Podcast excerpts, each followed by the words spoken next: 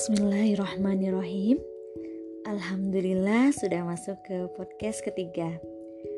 Jika sebelumnya saya berbagi tentang pengalaman ketika menjadi fasilitator di sebuah sekolah Terkait penemuan-penemuan kasus yang berkaitan dengan seksualitas pada anak. Yang mengerucut pada sebuah tema menarik yaitu peran ayah dalam pengasuhan untuk pendidikan seksualitas. Hmm, kenapa peran ayah ini jadi menarik? Karena di lingkungan tempat saya tinggal dan mungkin di banyak keluarga lainnya masih menitik beratkan masalah pengasuhan itu pada ibu sedangkan ayah hanya dititik beratkan pada pemberian nafkah saja. Sedangkan Allah Subhanahu wa taala berfirman dalam Quran surat An-Nisa ayat 34. Laki-laki mempunyai kelayakan memimpin kaum wanita karena Allah telah memberikan kelebihan atas yang lain dan karena mereka memberi nafkah. Hmm.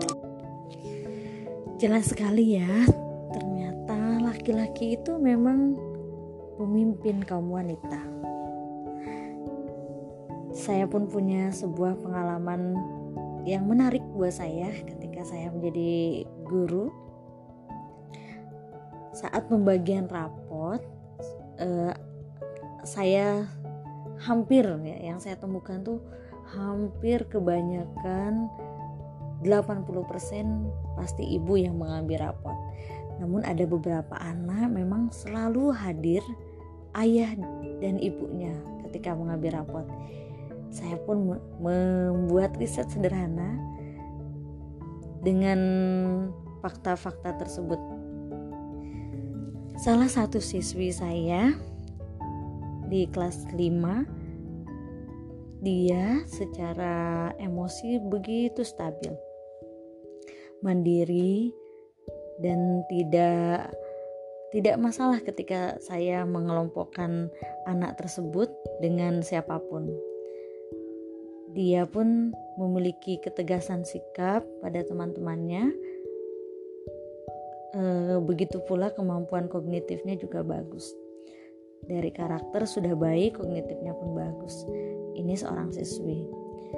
Nah, ketika saya amati yang mengambil rapot itu sering kali ayah bahkan sempat satu kali ibunya.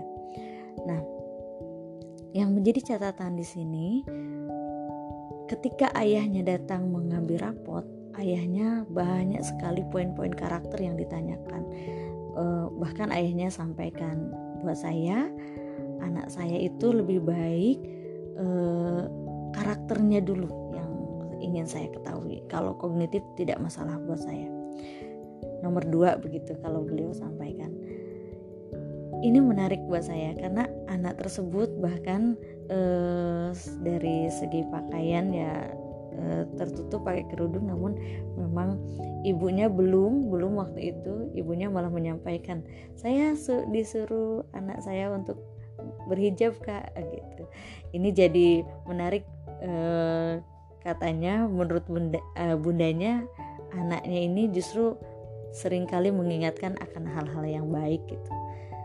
Jelas sekali menurut saya dari sini terlihat bahwa anak ini uh, selain mandiri juga terlihat peran ayah di sini dalam mendidik karena ayahnya itu concern pada karakter anak tersebut.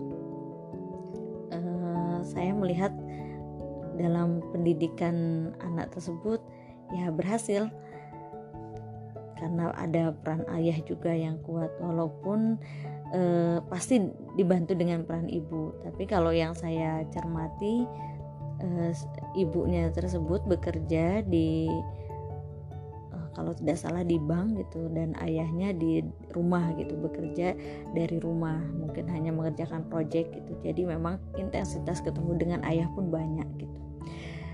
Di ada juga siswa yang lain. Siswa siswa ini menarik. Ini siswa eh, laki-laki ya.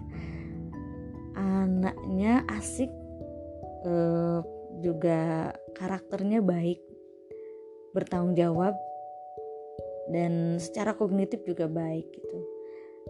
Itu pun sama. Ayahnya bekerja dari rumah.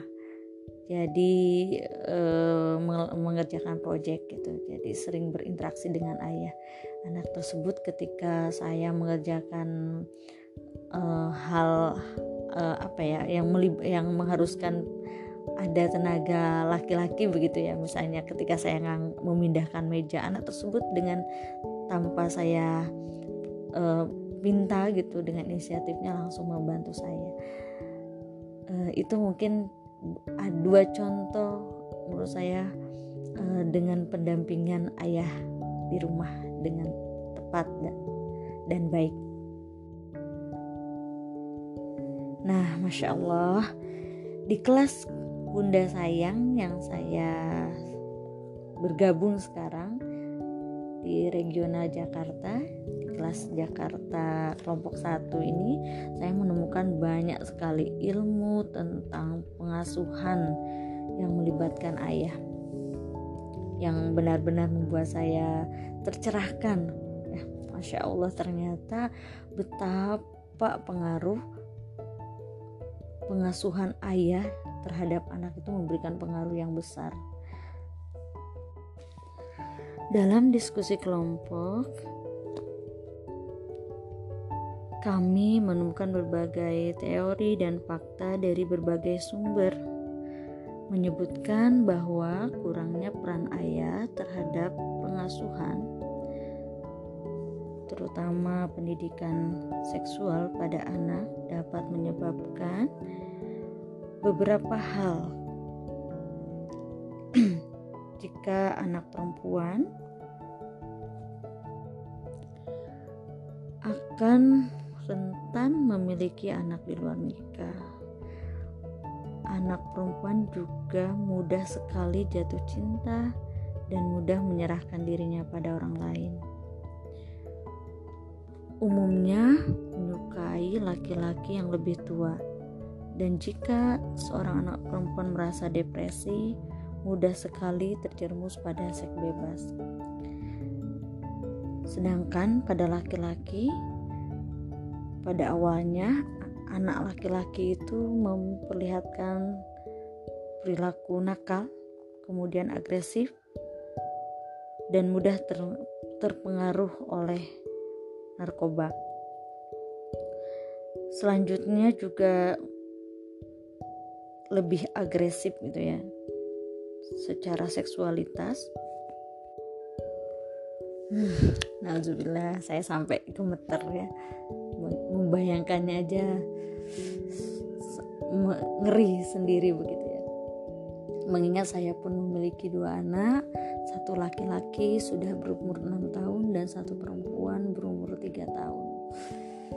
Hmm, mudah-mudahan uh, kita semua dimudahkan dalam mendidik anak-anak. Amin ya Allah alamin.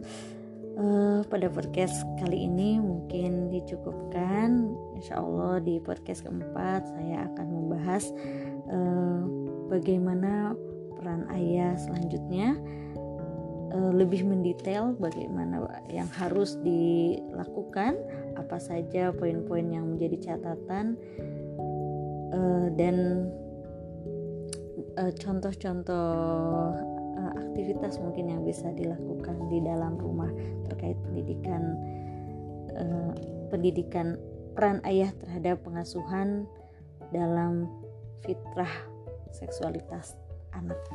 Terima kasih. Semoga bermanfaat. Amin.